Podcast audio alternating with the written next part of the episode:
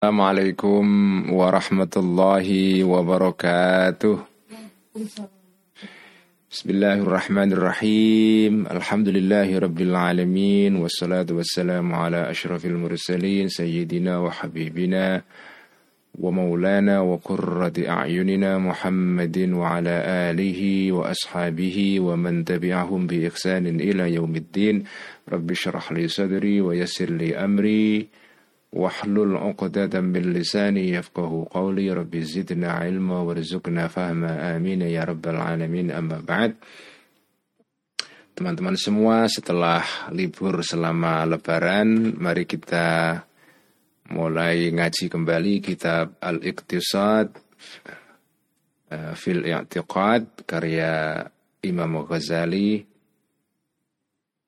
Mari kita mulai dengan هدية الفاتحة إلى روح نبينا وشفينا محمد صلى الله عليه وسلم إلى أرواح الأنبياء والمرسلين وإلى أرواح الآل والأصحاب أجمعين وإلى أرواح الأولياء والشهداء والصالحين والمؤلفين والأئمة المجتهدين خصوصا إلى روح سلطان الأولياء الشيخ عبد القادر الجيلاني والإمام الجنيد البغدادي وحجة الإسلام أبي حامد الغزالي والشيخ الأكبر مخذ ابن عربي والإمام أبي الحسن الشاذلي وإلى أرواح أولياء الله تعالى في أرض نسندرة خصوصا أرواح والسام وأرواح ولله جدنا بأحمد وتمكن قدس الله أسرارهم ونور ضرائحهم. وأعاد علينا من بركاتهم ونفعنا بعلومهم إلى أرواح علمائنا مؤسسي جمعية نهضة العلماء والجمعيات الإسلامية الأخرى في إندونيسيا خصوصا روح حضرة الشيخ باشم أشعري كي خلال بنكالان كي وهاب كي بشي سنسوري كي واحد قصدر يا أحمد صدق كي أسعد شمس العارفين كي معصوم كي إلي معصوم كي عبد الله سلام كي سال محفوظ كي بشري مصطفى. كي خلل كاسينغان غفر الله ذنوبهم وستر عيوبهم ويعلي درجاتهم ونفعنا بعلومهم إلى أرواح سائر آبائنا وأمهاتنا وأجدادنا وجدادنا ومشايخنا ومشايخ مشايخنا, ومشايخنا. خصوصا روح أبيك عبد الله رفاعي وروح أمي يا سلمة وروح أمي يا فاطمة غفر الله ذنوبهم وستر عيوبهم يعد درجاتهم شيء لله لهم الفاتحة. أعوذ بالله من الشيطان الرجيم. بسم الله الرحمن الرحيم. الحمد لله رب العالمين. الرحمن الرحيم. مالك يوم الدين. إياك نعبد وإياك نستعين. اهدنا الصراط المستقيم. صراط الذين أنعمت عليهم وغير المغضوب عليهم ولا الضالين. آمين. بسم الله الرحمن الرحيم. Kitab Al-Iqtisad halaman 147 kalau edisi Darul Minhaj atau halaman berapa Mbak Admin? 30 yang edisi DKI Darul Kutub Al-Ilmiyah. Uh, kita masuk ke bab yang baru Ad-Da'wa. Kita sudah menyelesaikan dakwah yang pertama yaitu dakwah atau klaim ya. Atau bukan. Ya klaim ini kalau terkait dengan uh, perdebatan dengan musuh. Karena memang masalah akidah itu kan uh, masalah yang diperdebatkan. Di dalam sejarah Islam itu ada perdebatan mengenai akidah mengenai tafsiran soal akidah ya karena itu ketika ada suatu kelompok mengajukan pendapat itu disebut sebagai dakwah atau pendapat dia, tafsiran dia yang itu merupakan klaimnya dia, pendakuannya dia berhadapan dengan klaimnya kelompok yang lain atau lawan debatnya. Jadi masing-masing kelompok itu membawa dakwah, membawa klaim ya membawa klaim kebenaran, truth claim kalau dalam bahasa eh, dialog antar agama sekarang ini ya. Jadi masing-masing kelompok itu membawa truth claim, membawa klaim tentang kebenaran dari pendapatnya dia. Nah ini kita akan membahas dakwah yang kedua. Ad-da'wah thaniyatu ay hadhihi ad-da'wah. Ini adalah dakwah yang kedua atau klaim yang kedua. Nadai mengklaim aku Al-Ghazali atau dengan kata lain berpendapat aku Al-Ghazali dan kami para pengikut akidah Asy'ariyah pada umumnya. An-Sababa Ini dakwah yang kedua ini menyangkut sifat Allah yang kedua Yaitu Allah itu Qadim Allah itu ada dan tidak ada permulaan bagi wujudnya Allah itu namanya qadim ya. Qidam. Ya, Allah wujud qidam. Sifat kedua kan qidam ya. Allah itu sifatnya adalah qadim. Allah itu kuno kalau dalam bahasa pesantren itu qadim dimaknai sebagai kuno. Kuno dalam pengertian abadi dalam kaitannya dengan waktu yang lampau Ya. Kalau abadi dalam kaitannya dengan waktu yang akan datang, ya, abadi seterusnya itu namanya bakin atau bako ya. Tapi kalau abadi ke masa lampau itu kodim. Jadi ini istilah dalam bahasa Arab ini membedakan ya. Istilah dalam bahasa Arab membedakan antara dua konsep keabadian. Ini menarik sekali. Dalam bahasa Indonesia ataupun Inggris nggak ada ini. Ya, dalam bahasa Arab itu dibedakan uh, antara dua keabadian. Keabadian yang menjulur ke masa lampau namanya qadim. Kuno. Ya, tapi istilah kuno dalam bahasa Indonesia lain maknanya ya. Qadim artinya abadi ke masa lampau. Baka atau bakin itu abadi ke masa depan. Jadi Allah itu dari dulu ada, dari dulu itu di masa lampau dan akan terus ada ke masa depan. Jadi baik ke masa lampau, ke masa depan Allah itu abadi. Nah dakwah yang kedua ini berkaitan dengan sifat Allah yang kedua yaitu Qadim. Kenapa kok Allah itu sifatnya Qadim? Anna sababa Aku atau kami mengklaim, kami para pengikut akidah Asy'ariyah, annas sababa.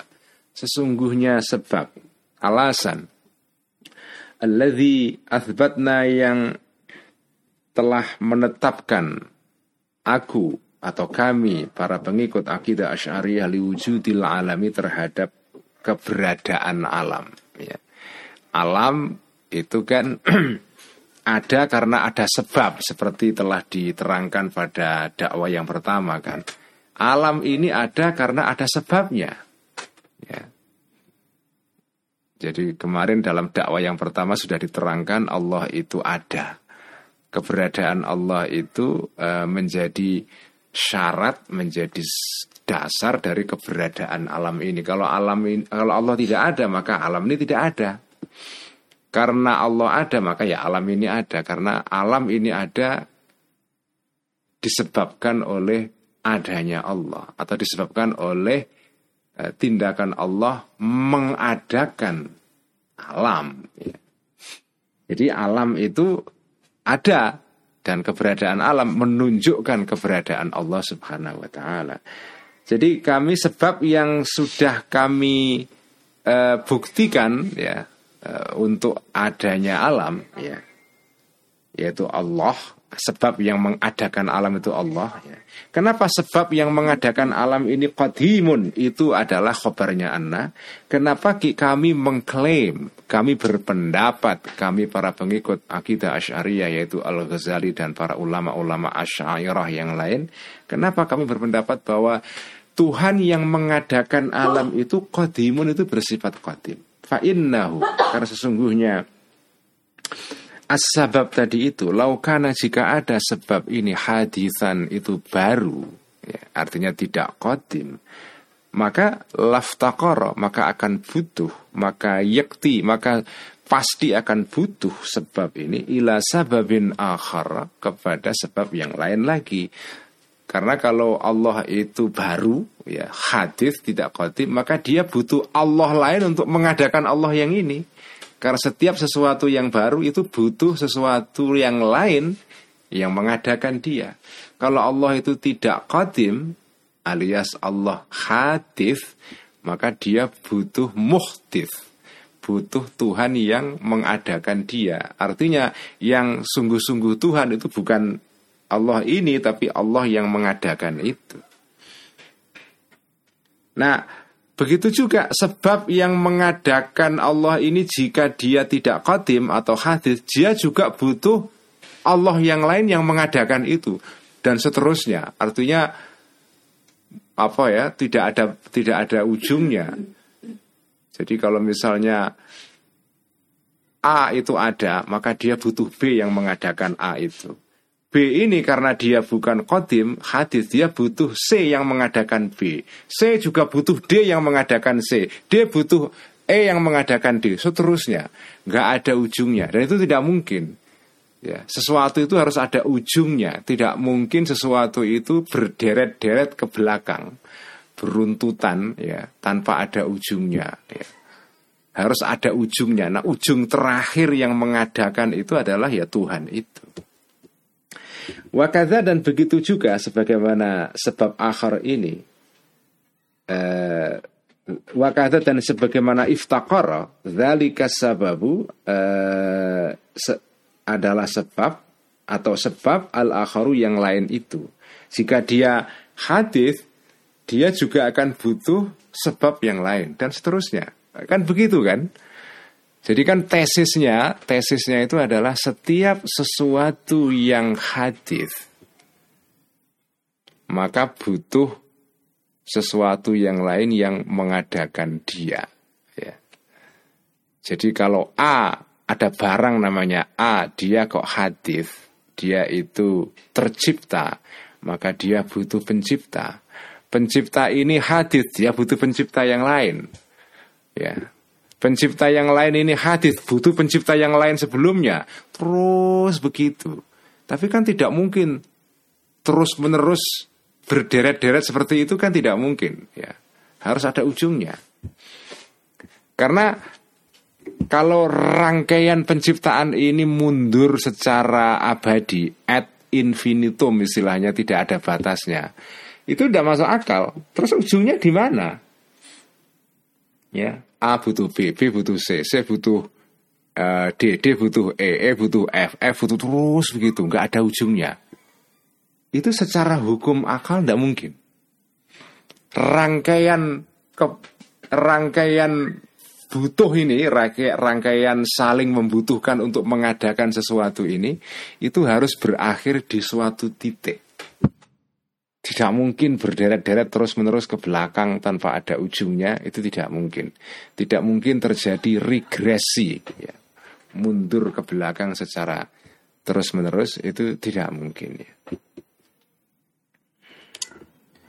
Waitasal selalu dan berturut-turut, berderet-deret, ya, eh, apa eh, sababul akhir ini.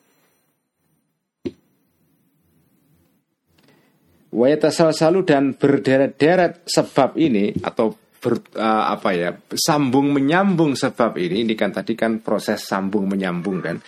Wayatasal dan sambung menyambung sebab itu imma ila ghairi nihayatin ada kalanya sampai tidak ada ujungnya terus mundur terus wahwa dan tasalsul ila ghairi nihayatin ini muhalun muhal secara hukum akal tidak mungkin terjadi Wa imma ayyantahiya ada kalanya sampai tasalsul ini ila qadimin kepada titik akhir berupa Tuhan yang maha qadim ya. Lama halata pasti yakifu yang berhenti tasalsul ya rentetan regresi tadi itu ya saling sambung menyambung ke belakang itu indahu pada qadim ini wahua dan intiha ini atau wahwa dan qadim ini adalah alladhi sesuatu notlubu yang mencari kami kita hu kepada alladhi. Inilah kesimpulan yang kita cari yaitu bahwa Allah itu ada dan Allah itu qadim. Wanusami dan menamai kami hi kepada qadim ini soni al alami sebagai pencipta alam. Wala buddha dan tidak boleh tidak minal i'tirafi untuk mengakui bihi terhadap adanya Qadim ini bil darurati secara darurah, secara aksiomatik ya. Tidak boleh tidak darurat terpaksa kita mengakui itu secara hukum akal. Enggak mungkin kita menghindari adanya qadim yang seperti itu yang menjadi ujung dari rentetan sebab tadi itu ya yang mundur ke belakang itu harus ada ujungnya ujungnya itu namanya Tuhan soniul alam yang uh, menciptakan alam ini. Inilah bukti bahwa Allah itu kodim, Allah itu abadi ke masa lampau. Ya. Ya, alasannya karena ini tidak mungkin terjadi rentetan Tuhan dalam tanda kutip ya, rentetan sebab tanpa ada ujung. Wala na'ni dan tidak memaksudkan aku Al-Ghazali biqaulina dengan ucapan atau statement pernyataan aku Al-Ghazali qadimun qadim di sini itu artinya maksudnya bukan eh, tidak lain adalah illa anna wujudahu kecuali sesungguhnya wujudnya adanya qadim ini ghairu masbukin tidak didahului bi'adamin dengan sesuatu yang tidak ada dengan ketiadaan. Jadi yang disebut kodim di sini maksud kami Al Ghazali itu adalah adalah sesuatu yang ada tanpa didahului dengan ketiadaan. Itu namanya kodim. Jadi definisi kodim adalah sesuatu yang ada setelah tiada. Eh, uh, sesuatu yang ada dan tidak didahului keberadaannya ini dengan ketiadaan. Kalau sesuatu itu ada setelah tiada, ya semula tidak ada menjadi ada, ya misalnya uh, muk ini dari semula tidak ada lalu diciptakan jadi ada, nah, maka barang ini muk ini namanya adalah hadis, sesuatu yang ada setelah tiada. Di dalam bahasa Inggris istilah hadis itu biasanya diterjemahkan dengan istilah temporally created ya, diciptakan dalam waktu. Artinya ada permulaannya Qadim itu adalah non temporally created. Jadi sesuatu yang tidak diciptakan di dalam waktu. Karena dia tidak punya permulaan. Falaisa maka tidak ada tahta lafzil qadimi di bawah istilah qadim ini illa isbatu mawjudin. Kecuali um, mengadakan ya atau menetapkan adanya sesuatu yang ada wa nafyu atau mengkonfirmasi sesuatu yang ada maujud wa nafyu adamin sabikin dan menegasikan menafikan ketiadaan yang mendahului jadi artinya qadim itu adalah sesuatu itu ada dan dia tidak didahului keberadaannya oleh Adam oleh ketiadaan. Fala tazunnanna maka jangan mengira engkau, jangan sekali-kali mengira engkau. Annal qidama sesungguhnya sifat kitam ya kitamnya Allah, kodimnya Allah ini itu adalah maknan berupa makna pengertian. Zaidun yang lebih yang surplus ya yang melebihi ala zatil qadimi terhadap zatnya dirinya Allah yang qadim itu. Fayalazamaka maka akan uh, akan fayalazamaka maka akan uh, menjadi uh, apa? Fayalazamaka maka akan uh, menjadi tetap kepada kamu. Artinya kamu akan terkena konsekuensi. Fayalazamaka maka akan akan uh, muncul konsekuensi ka kepada kamu? Antakula untuk mengatakan engkau. Kamu kalau kamu mengatakan bahwa khidam atau qadim itu adalah maknan zaidun ala zat maka kamu akan uh, implikasinya kamu akan harus mengatakan hal berikut ini yaitu zalikal makna. Makna tersebut yaitu makna qadim itu aidan juga qadimun itu qadim biqidamin dengan sifat qidam zaidin yang melebihi alaihi kepada qadim ini.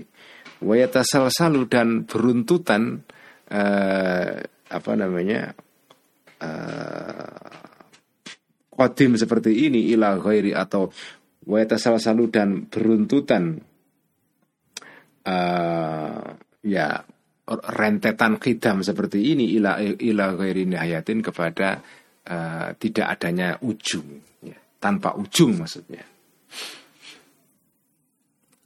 Ya ini ini agak sedikit rumit bagian akhir ini. Intinya adalah begini. Allah itu punya sifat ya. Sifatnya itu berupa kodim Allah itu uh, dari dulu ada. Ya, itu namanya qadim.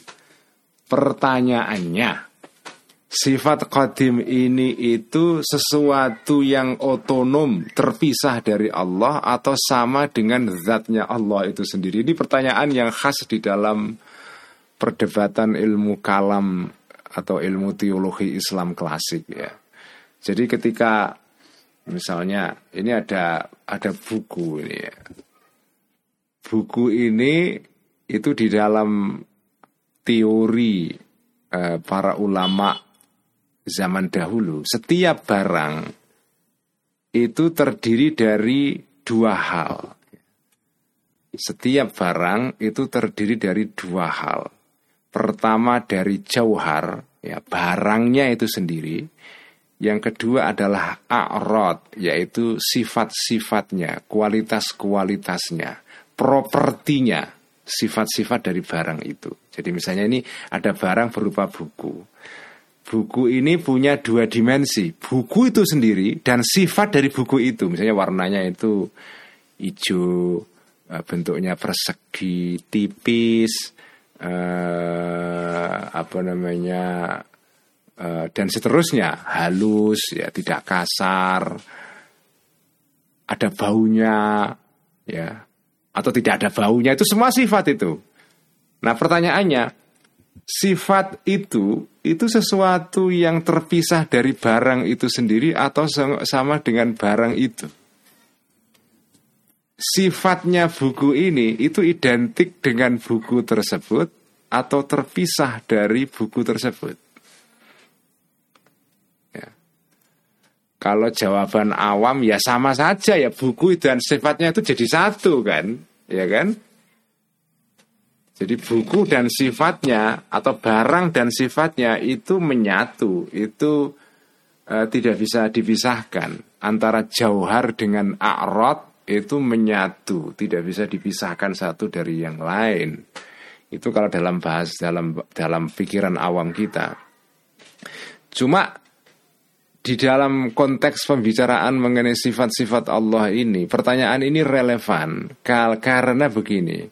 Kalau jenengan mengatakan bahwa sifatnya Allah itu beda dari Allah, barang dan sifatnya itu terpisah, ya, maka kesimpulannya atau konsekuensinya itu artinya kalau Allah itu kodim, Kemudian dia punya sifat yang kodim juga Karena sifatnya Allah kan juga kodim juga. Sifatnya Allah itu abadi. Misalnya Allah punya sifat maha mengetahui. Maha mengetahuinya Allah ini ya kodim Dari dulu ada dan akan terus ada. Nah pertanyaannya adalah Kalau ada sifat Allah Sifat Allah ini kodim Allah sendiri juga kodim Berarti ada dua kodim Ada dua hal yang kodim dengan kata lain ada dua Tuhan di sini. Apakah ini tidak menyalahi prinsip tauhid itu? Nah, pernyataan Al-Ghazali bagian akhir ini untuk menegaskan bahwa kalau kita mengatakan Allah itu punya sifat namanya sifat kodim, itu jangan kamu berpandangan, mengira atau punya punya apa persepsi ya bahwa sifat Allah yang kodim itu berupa sesuatu yang terpisah dari Allah. Sehingga akhirnya ada dua hal yang kodim. Allah sendiri kodim, sifatnya kodim. Berarti ada dua hal kodim. Kalau ada dua hal kodim berarti ada dua Tuhan. Ada dua kudama ya. Ada kodima ini atau kudama. Nah, Itu tidak mungkin itu. Makanya sifat Allah itu kodim itu tidak terpisah dari Allah. Karena kalau sifat kodim itu terpisah Ya Allah itu bersifat kodim Allah itu kodim karena sifat yaitu sifat kodim dan sifat itu terpisah. Maka sifat yang terpisah ini juga menjadi kodim karena sifat yang terpisah juga. Terus begitu. Tidak ada ujungnya. Itu mustahil itu ya. mustahil itu. Jadi salah satu prinsip yang dipegang oleh para ahli ilmu kalam dalam Islam itu adalah adalah bahwa regresi rentetan sesuatu yang tanpa ada ujungnya itu tidak mungkin sesuatu itu harus ada ujungnya. Ya. Sesuatu itu tidak mungkin berentetan tasalsul ya e, sambung menyambung tanpa ada ujungnya. Harus ada ujungnya ya. Harus ada akhir dan ada awal. Nah saya tidak tahu kalau misalnya ada orang bertanya Bagaimana dengan angka? Bagaimana dengan angka? Angka itu ada ujungnya enggak? Satu, dua, tiga, empat, terus itu. Ada ujungnya enggak angka itu? Baik ujung ke depan maupun ke belakang. Ada satu, nol, ya minus satu, minus dua, minus tiga, terus gitu. Itu ada ujungnya enggak itu? Nah saya tidak tahu jawabannya. Ini mungkin yang ahli matematika yang bisa menjawab hal ini ya. Uh, tetapi prinsip yang dipakai oleh para ahli ilmu kalam, teologi Islam adalah bahwa sesuatu itu tidak mungkin tasalsul tanpa ada ujungnya. Ini prinsip akal ya, prinsip rasio, prinsip nalar. Nalar manusia itu tidak mungkin membayangkan adanya sesuatu yang tanpa ada ujungnya. Ya, sesuatu itu harus ada ujungnya.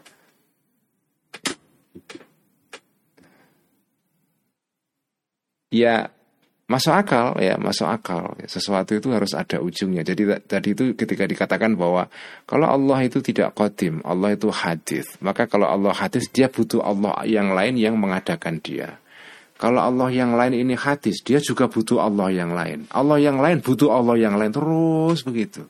Nah, itu tidak mungkin nggak ada ujungnya itu. Ya. Regresi atau rentetan ke belakang ataupun rentetan ke depan tanpa ujung itu tidak mungkin. Ya.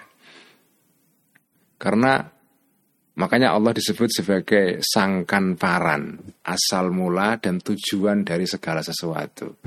Kenapa disebut sebagai asal mula? Karena sesuatu ada permulaannya dan sesuatu ada ujungnya itu. Ada ujungnya. Nah, kembali kepada soal angka itu ya. Angka itu kalau secara konseptual jadi angka di sini harus kita bedakan ya. Angka sebagai konsep dan angka yang real. Angka yang real itu artinya angka yang men mensifati sesuatu. Jadi misalnya kayak kayak kayak apa ya? Kayak muk ini atau cangkir ini. Berapa jumlah cangkir ini? Satu, ya kan? Nah, angka satu itu ada ada dua jenis konsep mengenai angka. Angka satu sebagai konsep dalam pikiran dan angka satu yang real terwujud termanifestasi di dalam bentuk yang real yaitu menjadi sifat dari suatu barang cangkir satu jadi ini cangkir yang hanya satu ini ini adalah angka yang yang yang manifest ya. angka yang terwujud Sementara angka di dalam pikiran itu angka konseptual. Nah kalau angka konseptual itu memang nggak ada ujungnya, baik ujung ke belakang maupun ke depan. Anda bisa membayangkan angka tanpa ujung. Tapi kalau angka yang real dalam bentuk barang tidak mungkin tanpa ada ujungnya. Ya, nggak mungkin. Sesuatu itu ada batasnya. Misalnya alam raya ini, alam raya ini ya meskipun gedenya minta ampun ya, gedenya minta ampun. Sebesar-besarnya alam raya ini pasti ada ujungnya. Sebagai materi loh ya. Bisa dihitung ya. Hitungannya pasti ya gede banget itu. 10 pangkat berapa itu pangkatnya ya bisa ratusan itu kan. Saya nggak tahu ada hitungannya itu ada ada teori astronomi modern yang menggambarkan alam raya ini besarnya itu 10 pangkat sekian itu ya. 10 pangkat sekian. Uh, gedenya minta ampun. Eh, tapi segede apa pun tetap ada batasnya. Ya, pangkatnya itu pasti ada batasnya, bukan berarti nggak ada batas. Meskipun angkanya itu tidak karu-karuan gedenya, tapi ada batasnya. Karena angka di sini angka yang terkait dengan sesuatu yang real, angka yang manifest ada angka yang konseptual dalam pikiran. Ini jawaban saya terhadap tadi itu ya, pertanyaan soal angka. Apakah angka ada ujungnya? Kalau angka konseptual nggak ada ujungnya. Karena itu bayangan. Nah, bayangan manusia itu kan nggak ada ujungnya. Tapi kalau angka yang real, yaitu angka yang uh, termanifestasi, terwujud dalam bentuk barang, maka dia ada ujungnya. Ini inilah prinsip ini sekali lagi saya ingatkan terus ya prinsip nalar yang dipegang oleh para ahli ilmu kalam itu adalah bahwa sesuatu itu tidak mungkin tasalsul berangkaian tanpa ujung baik dalam konteks serangkaian yang sederhana kayak rangkaian kereta api kereta api ada 10 gerbang misalnya kan ada ujungnya kan maupun rangkaian yang uh, terkait dengan barang yang besar sekali yaitu alam raya ini itu ada ujungnya setiap rangkaian ada ujungnya. Karena itu kalau ada tadi itu misalnya ada pemikiran bahwa Allah itu tidak kodim. Allah itu hadis Itu tidak mungkin Kenapa? Kalau Allah hadis Dia butuh Tuhan lain yang mengadakan dia Tuhan lain ini kalau hadis butuh Tuhan lain juga. Tuhan yang lain ini kalau hadis butuh yang lain juga. Terus begitu. Tapi terus itu sampai kapan? Harus ada ujungnya. Nah, ujung akhir itulah namanya Tuhan. Ini prinsip utama yang dipegang oleh para ahli ilmu kalam ya. Jadi ini penting untuk um, dan saya kira saya kira ini prinsip yang kokoh ya. Kokoh. Ini sekali lagi menunjukkan bahwa bahwa iman kepada Allah itu tidak bisa nggak menggunakan akal sampean itu ya Misalnya Allah itu punya sifat-sifat itu. Salah satunya sifat kotim ini yang dibahas dalam ad-da'wah ini. Dakwah kedua ini. Itu membuktikan Allah itu kotim. Itu nggak bisa kalau nggak pakai nalar. Makanya iman yang dilepaskan dari nalar, dari akal itu tidak bisa. Tidak bisa. Makanya saya berkali-kali mengatakan uh, ada ada kekeliruan mendasar di dalam Eh, pandangan atau miskonsepsi, pandangan yang keliru di dalam sebagian masyarakat modern ya. Jadi dalam bahasa Inggris itu ketika dikatakan I believe gitu ya. Saya beriman itu artinya beriman itu mempercayai sesuatu tanpa bukti sama sekali. Ya udah beriman begitu saja. Itu yang uh, oleh sebagian para filosof Eropa disebut dengan lompatan iman, leap of faith ya. Uh, apa namanya? Uh, leap of faith, lompatan iman ya. Itu tidak mungkin itu. Ya ini terbukti di sini. Sampai iman itu harus menggunakan nalar. Kalau nggak pakai nalar, ya nggak bisa. Nah, sekarang ganti dakwah ketiga. Kita sudah menyelesaikan dua dakwah. Dakwah ats-tsalitsatu, dakwah yang ketiga. Nadai mengklaim aku, kami Al-Ghazali dan para pengikut akidah Asy'ariyah, an-nasani al-alami. Sesungguhnya pencipta alam ini, ma'akaunihi selain adanya ya, soniul alam ini mewujudan adalah sesuatu yang ada, dia ada. Lam yazal yang terus menerus ada dari dulu artinya. Ya, Allah itu selain qadim fahuwa maka soniul alam pencipta alam ini yaitu Tuhan bakin itu langgeng dalam pengertian terus ada sampai kapan pun. Ya abadi ke depan selain abadi ke belakang la yazalu terus menerus ada soniul alam ini. Lian nama karena sesungguhnya sesuatu sabata yang terbukti kidamuhu kidamnya ma ini istahala maka mustahil adamuhu tidak adanya ma ini. Kalau sesuatu itu kodim. Kalau sesuatu itu bersifat abadi ke masa lampau maka dia juga otomatis akan abadi ke masa depan. Nggak mungkin kemudian dia abadi ke masa lampau terus tiba-tiba berhenti keberadaannya lalu tidak ada. Itu tidak mungkin. Ini juga pakai akal juga itu ya. Sesuatu itu kalau kodim ya akan kodim dan seterus, seterusnya akan kodim terus, akan bakin, akan langgeng. Kalau sesuatu itu hadis, dia tercipta dan ada permulaan dalam penciptaannya, maka at some point pada satu titik di masa depan dia akan tidak ada, akan punah. Ya. Jadi kalau sesuatu itu abadi ke masa lampau, otomatis by default secara nalar dia akan abadi seterusnya. Tapi kalau sesuatu itu hadis, sesuatu itu tercipta melalui waktu, dalam waktu, ada permulaannya, maka dia juga akan ada akhirnya. Kalau ada permulaan pasti ada kalau ada permulaan pasti ada perakhiran. kalau ada awal pasti ada akhir. Ya. Ada permulaan, ada perakhiran. Kalau tidak ada permulaan, maka tidak ada perakhiran. Ya. Kalau tidak ada awal, maka tidak ada akhir. Itu hukum akal juga itu, nalar juga itu ya. Kalau sesuatu ini dinalar saja, sampai, sampai pikirkan saja. Kalau sesuatu itu ada awalnya, pasti ada akhirnya. Kalau tidak ada awalnya, pasti nggak ada akhirnya. Itu prinsip nalar yang menjadi dasar dari dakwah ketiga ini. Nah sekarang diure wa inna kulna dan sesungguhnya eh, mengatakan kami al Ghazali dalika ucapan tadi itu ya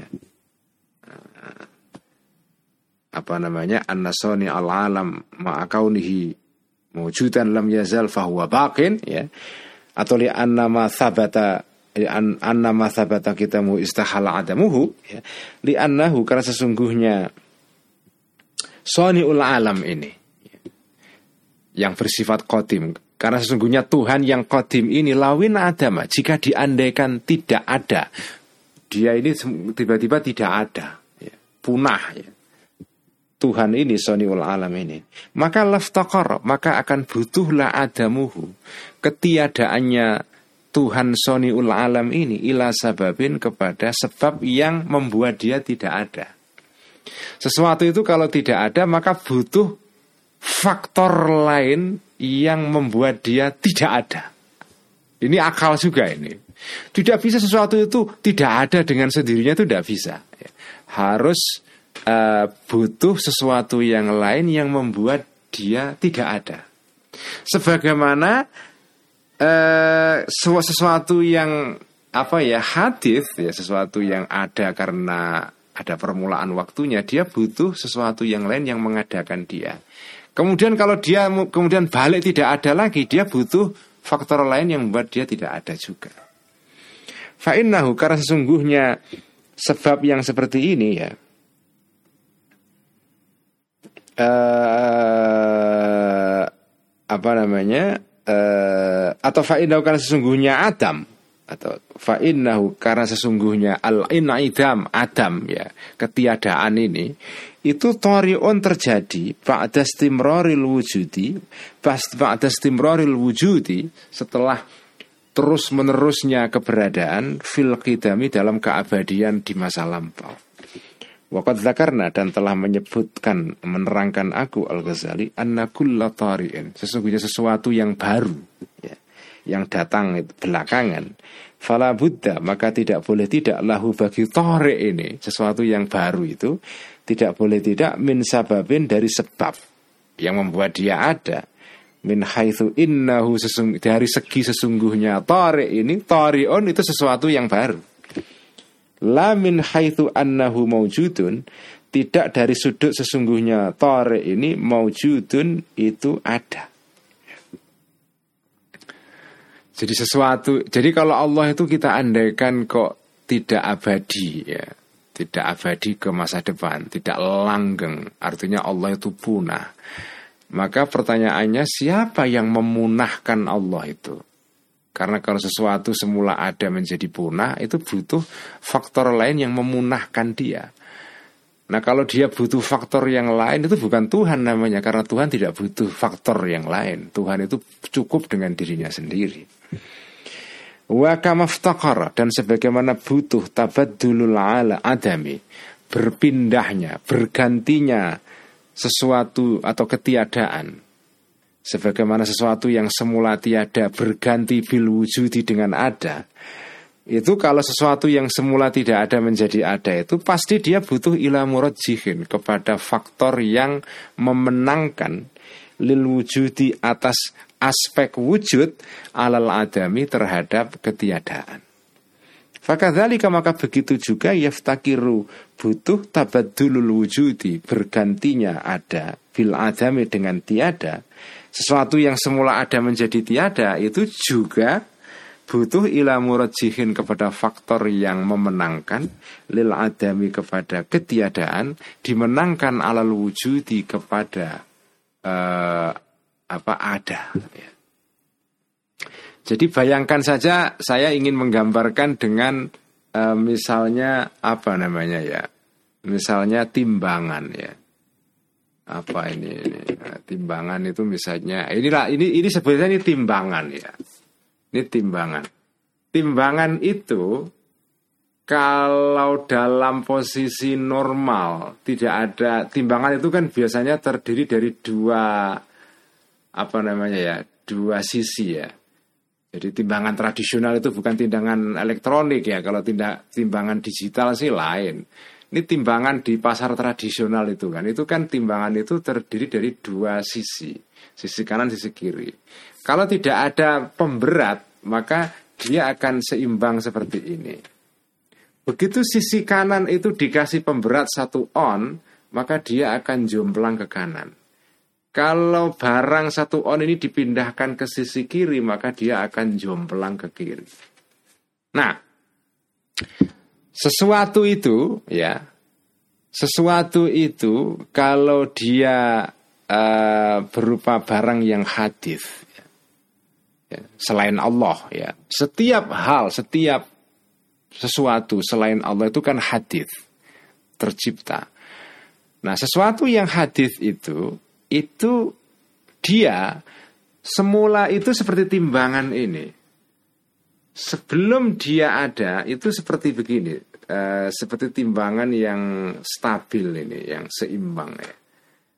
Nah, artinya sesuatu itu sesuatu selain Allah sebelum dia ada itu punya dua kemungkinan dia bisa terus tidak ada atau bisa berubah menjadi ada. Makanya disebut sebagai sesuatu yang jais, sesuatu yang mungkin ada, mungkin tidak ada. Nah, kalau dia dari semula tidak ada menjadi ada, itu seperti timbangan yang kemudian jomplang ke kiri atau ke kanan. Kalau dia kalau timbangan itu jomplang ke satu sisi, itu pasti ada faktor yang membuat dia jomplang. Faktor itu namanya murojih. Ya. Murojih, sesuatu yang membuat timbangan yang semula seimbang menjadi jomplang ke kiri atau ke kanan. Itu namanya murojih. Nah, sesuatu itu kalau dia dari semula tidak ada menjadi ada, itu tidak bisa ada dengan sendirinya. Seperti timbangan tidak bisa, timbangan tidak ada barang apa-apa kok tiba-tiba ujuk-ujuk jomplang ke kanan atau ke kiri. Sampai akan ketakutan itu kalau ada timbangan nggak ada apa-apa kok jomplang sendiri. Itu panas, sampai takut itu, ketakutan lari dikira ada ada hantu di situ kan. Ya, tapi kan hantu itu kan namanya sesuatu juga, sesuatu yang membuat jomplang. Gak bisa timbangan jomplang ke kanan atau ke kiri tanpa murojih tidak bisa. Ini juga nalar ini, pakai akal ini ya. Timbangan itu menjadi jomplang ke kanan atau ke kiri karena ada barang yang ditaruh di situ. Ya, kalau ditaruh di sebelah kanan, dia jomplang ke kanan kalau ditaruh ke sebelah kiri dia jomplang ke kiri. Nah sesuatu itu sebelum ada ya selain Allah ya sesuatu segala sesuatu selain Allah sebelum dia ada itu seperti timbangan. Kalau dia dari tidak ada menjadi ada itu seperti timbangan yang jomplang ke kiri atau ke kanan.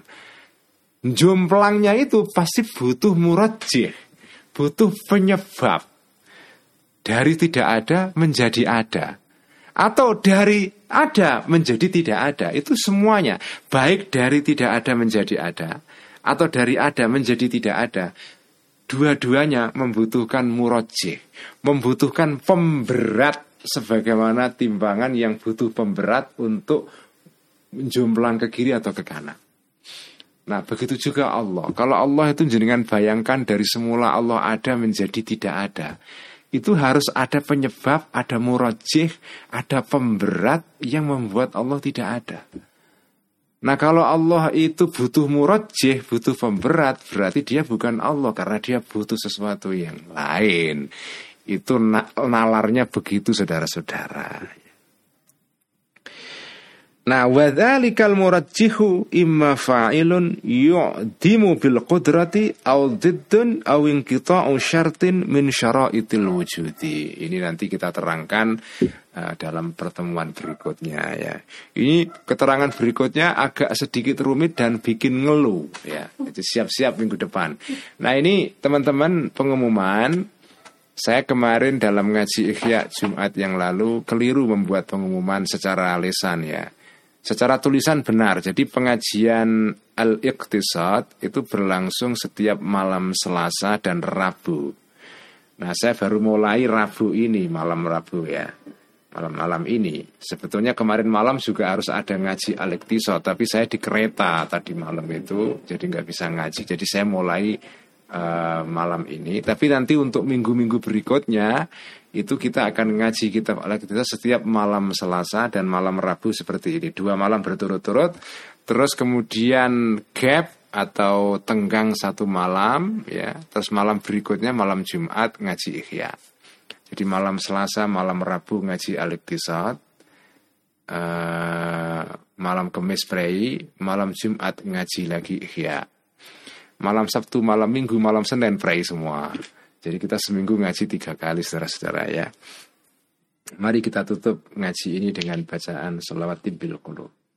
Allahumma salli ala sayyidina Muhammadin tibbil qulubi wa dawaiha وعافية الأبدان وشفائها ونور الأبصار وضيائها وعلى آله وصحبه وسلم. اللهم صلِّ على سيدنا محمد طب القلوب ودوائها وعافية الأبدان وشفائها ونور الأبصار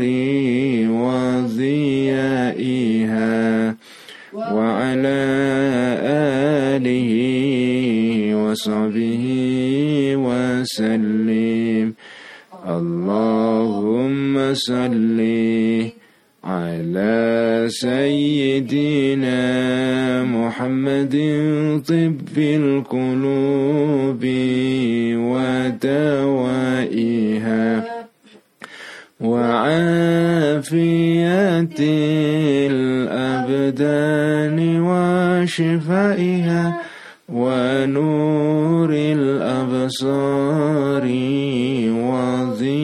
وضيائها وعلى آله وصحبه وسلم Sekian, Assalamualaikum warahmatullahi wabarakatuh. Waalaikumsalam.